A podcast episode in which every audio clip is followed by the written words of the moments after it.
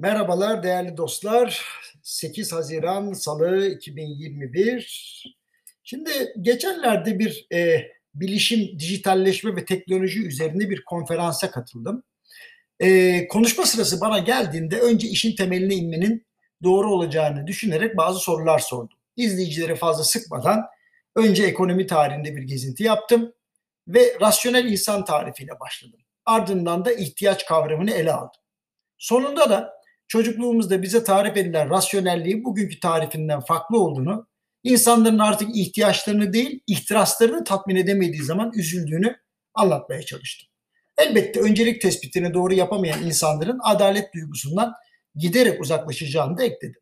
Şimdi hal böyleyken yapay zeka ve dijitalleşmenin işlemler ile faaliyetlerin hızını arttırdığını kabul ederken yukarıda bahsettiğim sebeplerden dolayı adaletin olmadığı bir yerde yüksek teknolojinin insanlığa bir fayda getirmeyeceğini, aksine şartları daha da olumsuz hale getirebileceğini söyledim.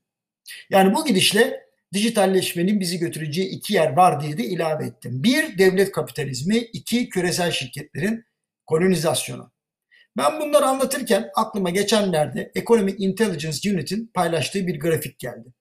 Özel şirketlerde verim artarken mavi yakalı ve sade beyaz yakalılar bundan yeterince pay alamazken şirketleri en üst seviyesinde bulunan yüzde birlik profesyoneller verim oranından daha fazla ücret ve yanaklara, nimetlere kavuşmuş.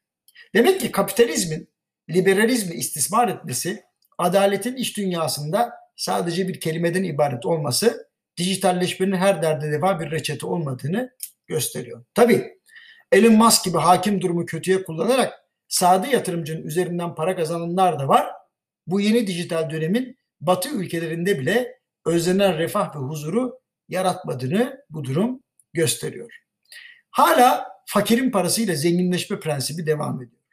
Bunu dile getirdiğimiz zaman sosyal medyada saldırıya uğruyor ve boomer yani yaşlı kuşak olmakla suçlanıyorsunuz. Özetle dünden bugüne değişen bir şey yok. İnsanlık adına önemli buluşları bir kenara koyuyorum tabii ki.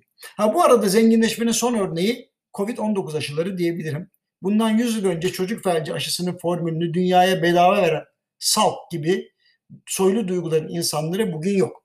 Herkes insanların dehşetleri üzerinden milyarlarca dolar para kazanma peşinde. Hayatını bilime vermiş olan insanların bir bakıyoruz ki bir parlak fikir bulsam da zengin olsam diyenlerden farkı kalmamış. Sonuç olarak yukarıda da belirttiğim gibi rasyonellik, ihtiyaç, vicdan, ahlak, vefa gibi kavramların eğilip bükülebildiği farklı boyutlarda, farklı anlamlarla ele alındığı bir sürecin içinden geçiyoruz. Referans noktası kaybolduğu için savrulan ve artık tanıyamadığımız dostlarımıza, yakınlarımıza belki de bu sebeple daha şefkatli ve anlayışlı davranmak zorundayız.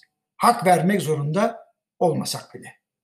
Efendim hepinize hoşçakalın. Yarın buluşmak üzere.